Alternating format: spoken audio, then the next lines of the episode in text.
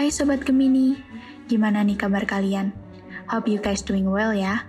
Minggu ini kamu akan menghadapi situasi yang sama dengan para Taurus. Minggu ini akan benar-benar menguras tenaga dan pikiranmu, karena banyaknya tugas dan deadline yang mepet-mepet.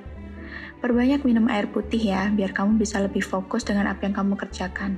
Dan stay hydrated itu penting loh. Saking sibuknya, ada beberapa pasang mata yang kepo sama kehidupanmu ada baiknya kalau kamu mengabaikan orang-orang yang gak penting itu. Percintaan untuk Gemini Lovebird. Berhenti menuntut pasangan untuk ini dan itu. Berhenti juga membandingkan dia dengan orang lain. Karena kamu tahu sendiri kan gimana rasanya dibanding-bandingin itu. Sakit banget. Untuk sobat Gemini yang masih single. Sudah dekat lama tapi tak kunjung ada kepastian.